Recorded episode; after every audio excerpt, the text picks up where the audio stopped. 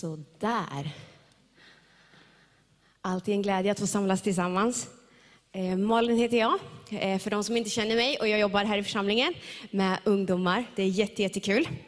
Eh, så här, jag predikar typ här i församlingen en gång i månaden, jag predikar på ungdomssamlingarna ännu mer. Eh, Jag är ganska van att predika skulle jag säga. Eh, jag börjar bli så gammal så jag har snart predikat i tio år. Det känns helt knäppt. Men det har jag gjort. Och den här veckan så har jag liksom inte fattat vad jag ska predika om förrän igår kväll. Och det har varit jättefrustrerande. Man, liksom, man har ganska många saker i sitt liv som så här, veckan ska pusslas ihop och sen så har man två små barn och då är det ännu mer pussel. Så har man avsatt en tid, ganska mycket tid, så här, Gud, här får du tala. Hjälp mig, den här dagen behöver du tala om vad jag ska predika om. Och så har han inte gjort det. Alltså, jag får säga, ja, det här skulle jag kunna predika om, det är bra grejer. Det finns ju hur mycket bra som helst i Bibeln, så det är inte så man kan ju bara ta något att predika om och det är jättebra. Men jag har liksom känt så här, det här är inte rätt för söndag. Det här är inte rätt för söndag, det här är inte rätt för söndag. Jag har fått massa andra idéer, så jag har ett lager nu. Men det enda jag upplevt att Gud har sagt, det är, gör ett möte. Gör ett möte. Jag bara, men vadå gör ett möte? Jag fattar inte. Gör ett möte. Och så typ i fredags kväll började jag kanske fatta lite, men sen igår så fattade jag, aha, vänta nu. Gud vill ju att vi gör en gudstjänst för att han vill möta med sin församling. Gör ett möte, jag bara, aha! Ja, ehm, det är ju det vi gör varje söndag egentligen. Alltså vi samlas ju här för att vi vill skapa en plats där vi ger Gud förutsättningar att göra någonting i våra liv. Gud har stämt möte med dig och mig idag. Gör ett möte och vi har ett möte med Gud den här förmiddagen. Ibland tror jag vi glömmer bort det när vi går till gudstjänst. När vi går till alla andra möten i våra liv så förväntar vi oss ju att den vi har stämt möte med är där. Jättefrustrerande när den personen inte är där. Men förväntar vi oss att Gud är här när vi samlas i hans namn, när vi samlas i Guds namn, för han är här. Och vi får göra möte tillsammans med honom. Och det är så häftigt, för jag tror att veckan börjar med att vi har ett möte med Gud. Nu så, vi tänker ofta att söndag är slutet på veckan, då går vi i mål. Så här, oh, äntligen är veckan slut och sen, åh oh nej, imorgon, imorgon är det måndag igen. Men egentligen, i liksom judisk och kristen tradition, så är söndagen den första dagen i veckan. Man börjar veckan med att möta Gud. Alltså det är så bra. Eh, och tänk om vi skulle tänka så idag, att nu börjar vi den här veckan med att möta Gud. Och den här veckan kommer kunna se helt annorlunda ut än alla andra veckor. För att du vandrar vidare med Gud härifrån. Och jag tror så här, gudstjänsten är tänkt att vara platsen där vi får fylla tanken. Men inte där vi laddar batteriet. Vad sa hon nu? Nu ska jag, Gud talade till mig om hur viktigt det är att ladda batteriet den här vintern. För det är nämligen så att våran bil, den har inte funkat den här vintern. Och vi har liksom inte fattat varför. Vi bara, men vi har tankat bilen, varför startar inte bilen? Så åkte vi till verkstaden med bilen och de bara, ja men ni, har ju inget, alltså, ni, ni laddar ju inte batteriet. Jag bara, vadå, hur laddar jag batteriet? Han bara, du använder bilen. Jaha, alltså visste ni det? Jaha, okej. Okay. Alla andra visste det, jag visste inte det. Att bilbatteriet laddas när jag använder min bil. Så tror jag att det är med vår kristna tro också. Vi startar upp den här, vi tankar på här, vi startar upp bilen. Men sen behöver vi köra i veckan för att det ska funka. Och jag tror Gud talade till mig genom det här med mitt bilbatteri, att just det, jag kan inte bara komma till gudstjänsten och starta upp bilen varje gång, starta upp, starta upp, starta upp. Det var det vi gjorde med vår bil. Vi använder vår bil på fredagar när vi åker hit till kyrkan. Vi bor tre minuter härifrån. Varför åker ni bil kan man tänka, för att vi åker hem typ ett på natten, då är det skönt när man är barn och sådär. Men då, då har jag nu fattat att jaha, då hinner bilen aldrig tanka upp. Eh, så. Eh, så vi ska försöka åka lite mer bil, det känns ju väldigt eh, nyttigt. Eh, så. Men Eh, man kan få låna vår bil om man behöver köra lite ibland, så mår den bra av det. Låt det här få vara platsen där vi fyller tanken. Så att vi sen kan köra veckan och ladda på batteriet. Så att vi kan leva det livet Gud har kallat oss att leva. Så att vi kan gå med kraft ut i allt det som Gud har tänkt för dig och mig. För det här är ett möte med Gud själv. Jag tror att, eller vi behöver ju ställa oss själva frågan, varför gör vi ens det här? Varför? Varför har vi gudstjänst? Vi gör ju massa, massa bra saker i församlingen, men gudstjänst är någonting som man har gjort i 2000 år, ännu mer. Man gjorde det på gamla testamentets tid också. Vi har gjort det här i tusentals år. Varför gör vi det egentligen? Först och främst för att Gud själv har sagt det. Nu ska vi läsa dagens första bibelord. I andra Mosebok kapitel 8 och vers 1 så står det så här. Därför säger Herren till Mose, gå till farao och säg till honom, så säger Herren, släpp mitt folk så att de kan hålla gudstjänst åt mig. Det här säger Gud till Mose för att Mose får uppgiften att av Gud gå in i Egypten där Israels folk är slavar. Och han säger, du ska leda mitt folk ut ur Egypten. Varför då? För att de ska hålla gudstjänst åt mig. Det var viktigt för Gud att ta folket ur sin fångenskap för att de i frihet skulle kunna ära och prisa Gud som de tillhörde. Och gudstjänsten blev ett av många bevis på Israels folk till att de tillhörde Gud. Vet du, det här är ett av bevisen liksom, i våra liv på att vi tillhör Gud. Det säger någonting om våra liv när vi prioriterar att samlas tillsammans i hans namn. När folk frågar, ska du följa med på det här eller vad ska du göra på söndag? Jag har ett möte med Gud. Låt oss prioritera det. Jag tror att det är viktigt att göra det. Det måste inte alltid vara en söndag, det kan ju vara andra dagar i veckan också. Men det behöver finnas en plats där vi möts tillsammans och fyller på. Och möter Herren själv. Vi kan läsa vidare i Matteus 18 och 20. Det här är ett så bra bibelord hörni. Det här är så otroligt bra. Då säger Jesus så här. För där två eller tre är samlade i mitt namn, där är jag mitt ibland dem. Jesus själv har sagt att om vi är samlade i Jesu namn, och det är i Jesu namn vi är samlade här idag, då är han mitt ibland oss. Jesus är här. Sen så kanske vi inte alltid känner det, vi kan inte se Jesus med våra fysiska ögon, men han har lovat att vara här. Han är här. Tänk om vi skulle komma till gudstjänsten med en förväntan. Just det, nu ska jag gå till den där platsen där när vi samlas tillsammans, då är Jesus där. Han är här idag för att han vill möta med dig och mig. Och jag tror att vi möter Gud på olika sätt. Ibland när vi tänker, okej okay, jag skulle behöva ett möte med Gud, eller, eller jag längtar efter ett möte med Gud, då tänker vi på en känsla. Jag ska fyllas av den där känslan. Och Gud kan möta dig med en känsla. Men han kan också möta dig på så många andra sätt. Det kan vara genom en annan människa, det kan vara i en praktisk handling, det kan vara i lovsången, det kan vara ja, på så många olika sätt. Så stå inte bara och vänta på att Gud ska komma med en känsla till dig. Det kan vara det, men begränsa inte Gud till att bara vara det. Man kan ju undra varför är det här så viktigt? Varför är det viktigt att vi fortsätter fira gudstjänst och att vi samlas i hans namn? För att världen ser ut som den gör. För att ondskans makter tar mer och mer plats i vår värld. Och därför så tror jag att det är mer och mer viktigt att vi håller fast vid Gud och håller fast vid varandra. Och håller fast vid de platserna där Gud har sagt att när ni gör det här i mitt namn, då kommer jag vara mitt ibland er. Den platsen där vi kan möta Gud, den behöver vi prioritera och hålla fast vid. För att vi är inte tänkta att bara hålla oss vid liv i den här världen. Utan vi är också tänkta och menade att leva liv som kan påverka. Och vi ska läsa vidare i Bibeln, i Hebreerbrevet kapitel 10, vers 24 till 25. Så kan vi läsa så här. Låt oss ge akt på varandra och sporra varandra till kärlek och goda gärningar. Och låt oss inte överge våra egna sammankomster så som några brukar göra utan istället uppmuntra varandra och det så mycket mer som ni ser att dagen närmar sig. Det här skriver Hebreerbrevets författare i en mycket, mycket svår tid i församlingen. Den här församlingen upplevde förföljelse. Det var inte accepterat i samhället att tillhöra den nya tron, som de kristna var. De var under enormt hård press. Och då skriver författaren Överge inte era sammankomster, utan håll fast vid dem och sporra varandra.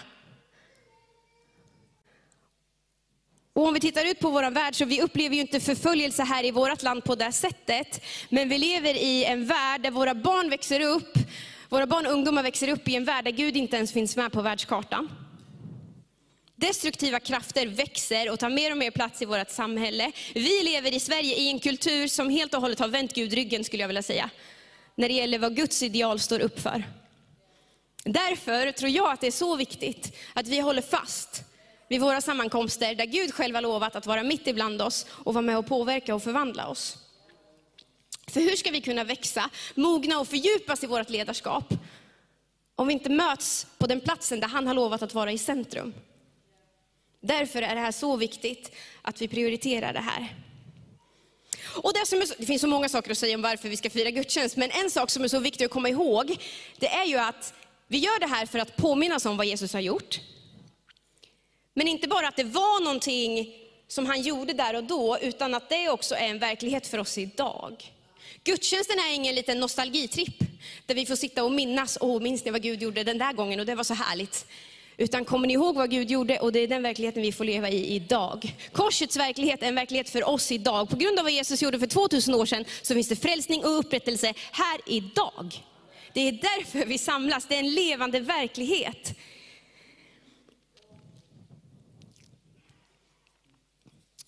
Men fokus i gudstjänsten, fokus i det här mötet, det är inte jag. Fokus i det här mötet är inte du. Ibland så har jag hört människor säga, jag har själv sagt det, jag fick inte ut någonting av gudstjänsten idag. Jag har själv sagt så. Jag fick inte ut någonting av gudstjänsten idag.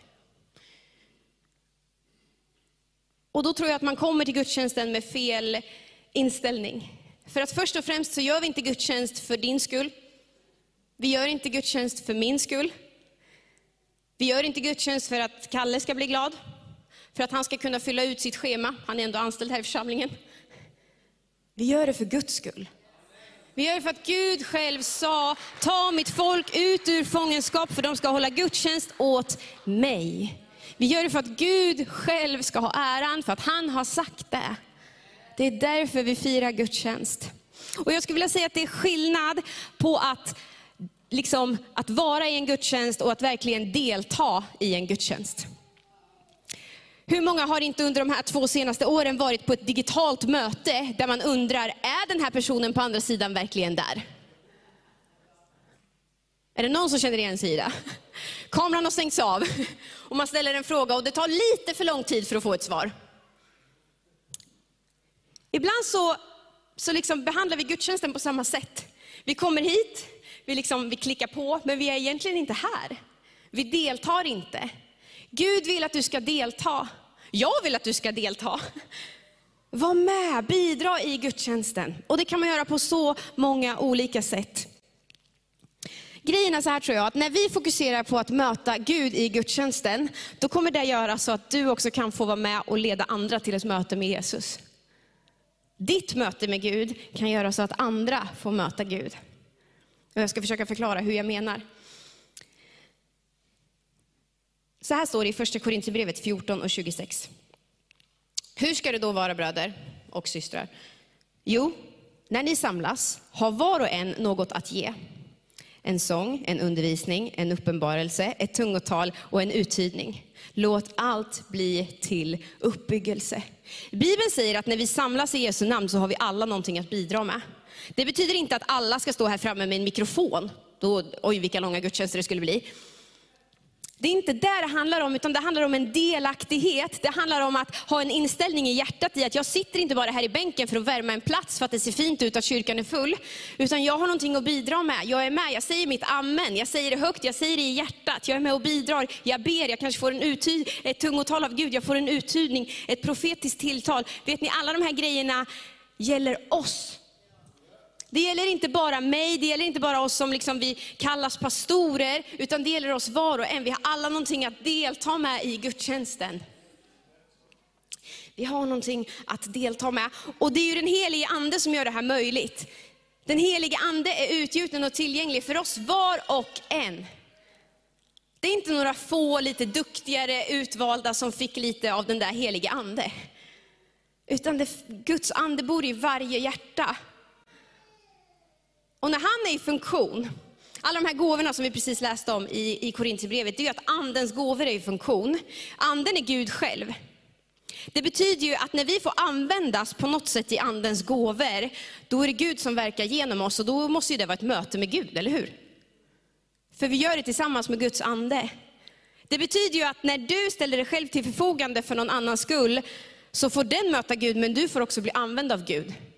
Och det är ett möte med Gud.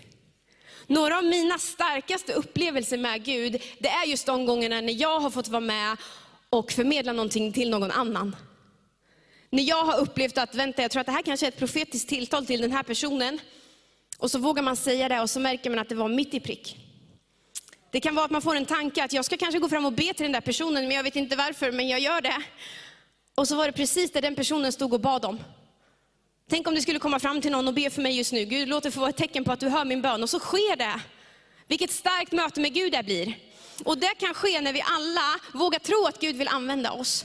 När vi ställer oss själva till hans förfogande och säger, Gud använd mig idag. Låt mig vara med och bidra. För det är det han vill. Och du kan göra det. Glöm inte bort att Gud vill använda dig idag. Utan var med och delta, var med och bidra. Vi gör ju många saker i, i gudstjänsten, eller många saker, men en del saker tar ju väldigt stor plats. Den här delen tar ganska stor plats, predikan. Det är för att vi tror att Guds ord är levande och verksamt. Vi ger det utrymme, för vi tror att Guds ord förvandlar våra liv och att vi kan hjälpa varandra att förstå Guds ord ännu mer idag. Men vi låter också lovsången och musiken ta en väldigt, väldigt stor plats i våra gudstjänster. Varför då kan man ju undra. Varför sjunger vi så mycket i kyrkan? Och jag vet att ibland så blir sången och musiken en känslig fråga. Det blir ofta en fråga om eh, tycke och smak. Eh, och jag menar inte att vi inte ska kunna diskutera det, det ska vi göra. Men vi måste komma ihåg i det att Gud är värd vår lovsång, oavsett genre. Gud är värd vår lovsång oavsett stil, oavsett instrument. Och vi behöver hjälpas åt att fästa fokus på honom, oavsett vad jag kanske tycker, oavsett vad jag kanske känner. I Psaltaren 22 och vers 4 står det så här, du som tronar på Israels lovsång. Ändå är du den helige Gud, den som tronar på Israels lovsång. Vad betyder det? Det är ett lite konstigt ord, tronar. Jag läste i den engelska översättningen för att försöka förstå lite bättre och där stod det så här. Eh, you that inhabits the praises of Israel. Alltså du som tar din plats, du som bor i sångerna ifrån Israel. Gud har sagt att han tar sin plats, han blir inneboende, han blir påtaglig med sin närvaro när vi lovsjunger honom. Och riktigt hur det här funkar, det vet jag inte riktigt. Eh, men, men vi kan liksom, ibland får vi bara utgå ifrån det vi vet och där vi, inte, vi får strunta i det vi inte vet.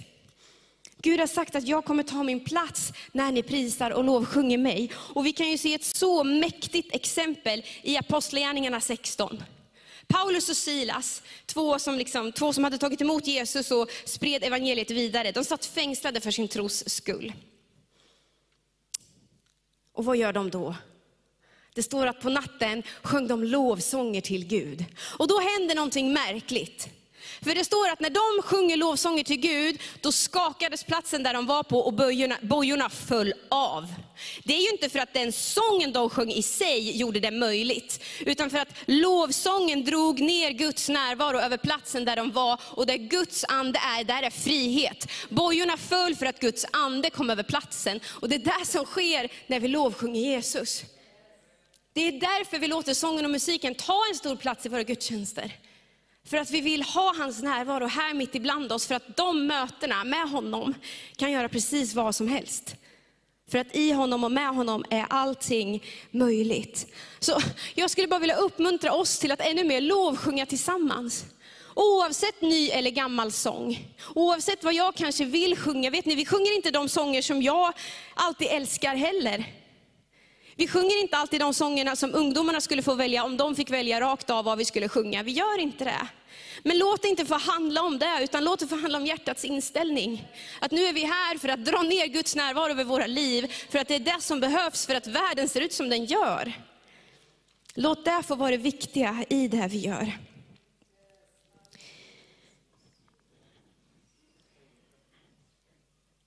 Jag vill vara ett föredöme för kommande generationer. Och det här har blivit så mycket viktigare för mig sedan jag själv fick barn. Och du kan man tänka, vad vet du om det? De är ett, han är ett och ett halvt, jag vet. Men man känner ett sånt ansvar på ett helt annat sätt. I att jag har verkligen någonting att förmedla vidare till nästa generation. Jag vill vara ett föredöme i vad det är att sjunga lovsång till Gud.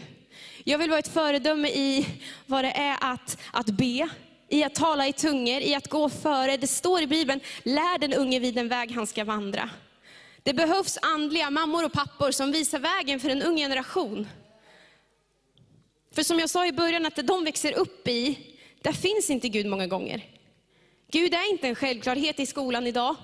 Gud är inte en självklarhet i, i ens fotbollslag, i ens idrottsgrupp. Vi behöver vara föredömen i att gå före. Och då behöver vi ibland också visa att vi kan lovsjunga oavsett stil. Jag älskar bilden på församling där, där det talas om att vi är en familj. Och i en familj så är alla jätteviktiga, men det finns vissa tillfällen när man bara måste anpassa sig efter barnen. Så är det. Julafton är en sån dag till exempel. Vet ni, jag tycker inte att det är jättekul att någon klär ut sig till tomte och den kommer. Jag skulle kunna vara utan det. Men barnen tycker det är så kul.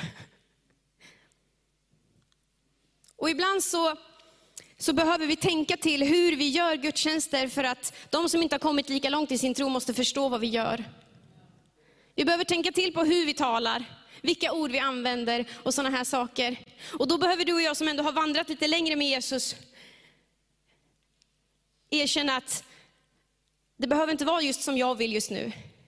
Men om jag är med och bidrar här, om jag är med och hänger mig och deltar, så kan jag få leda någon som inte kommit lika långt som jag inför ett möte med Gud.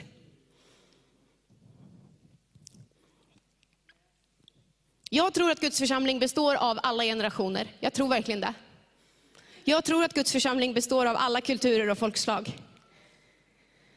Men det kommer aldrig funka om det handlar om vad jag vill och vad jag tycker Förstå mig rätt. Det handlar inte om att man inte får säga vad man tycker. Men det handlar om hjärtats inställning.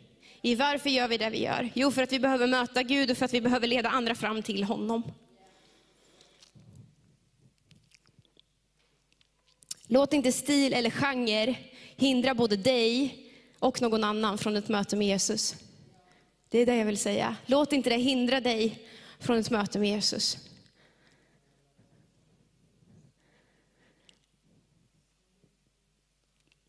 Jag tror att du sitter här som längtar efter ett möte med Gud idag. Jag längtar efter ett möte med Gud. Och jag tror att den möjligheten finns varje söndag. För att Gud själv har stämt möte med oss den här dagen.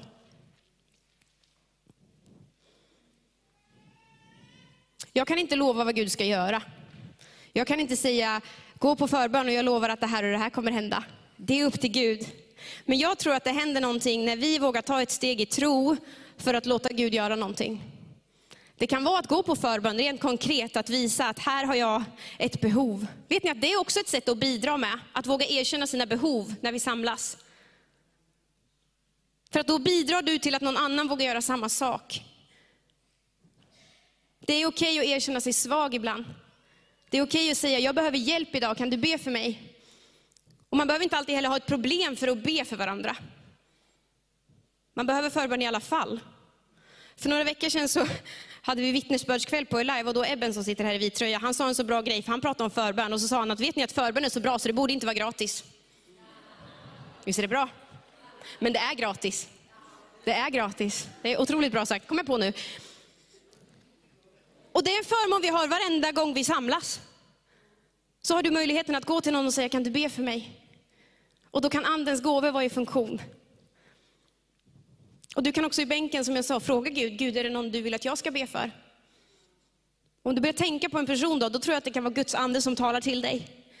Och så ska man ha respekt såklart. Då går man fram till den och säger, hej du kan jag få be för dig? Du behöver inte flyga på människor.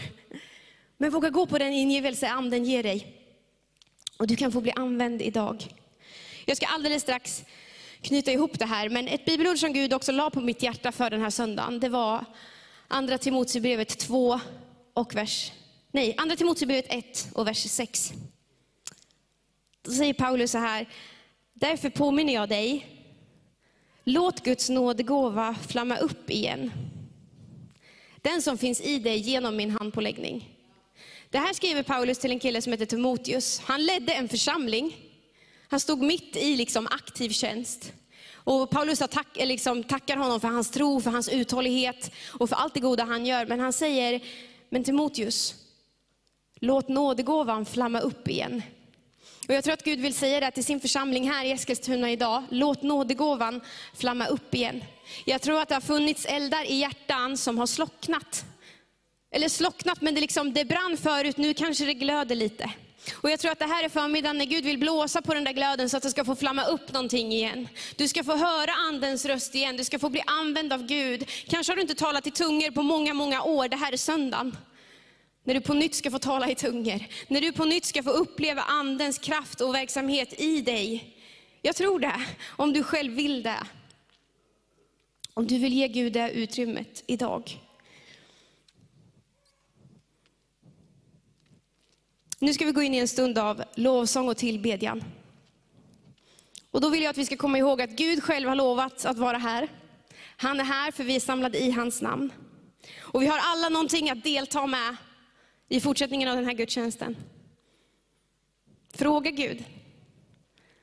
Våga lyfta fokus från dig själv en stund. Se på Jesus. Sätt ditt fokus på honom. Och vet du inte vad du ska göra så bara Lovsjung Gud. Öppna ditt hjärta för honom. Men våga också vara lyhörd för vad han vill säga. Det kan vara en enkel tanke. Och kanske ska du idag på, liksom, få förlösas på nytt. Få, på nytt förlösas är ett så gammalt ord, men komma loss i det som en gång har brunnit i ditt liv. Tänk om du skulle få börja brinna idag igen. Ska vi resa oss upp tillsammans för att nu har vi suttit en stund, kan vara skönt att få lite syre i benen. Och så ber vi tillsammans. Herre, jag tackar dig för att du är här mitt ibland oss. Jag tackar dig för att du har lovat det. Tack för att det här är ett möte med dig. Herre, nu ber jag att du skulle hjälpa oss att bara lägga bort allting annat. Hjälp oss att lyfta våran blick. Prisa dig, ära dig, upphöja dig. Herre, jag vill be om en, om en öppen atmosfär här inne. Jag vill be om en frihet Herre Jesus. Jag vill be om ett mod att våga göra det man inte har gjort förut. Jag vill be om en lyhördhet att våga lyssna på dig ifall man inte har gjort det förut. Herre, tack för att du har stämt möte med oss idag. Och tack att du ser alla som längtar just nu efter ett möte med dig Jesus. Du ser den som längtar efter att få bli använd av dig idag, Herre Jesus. Kom och gör din grej Herre Jesus. Heligande, kom och ta din plats ännu mer just nu. Kom och verka.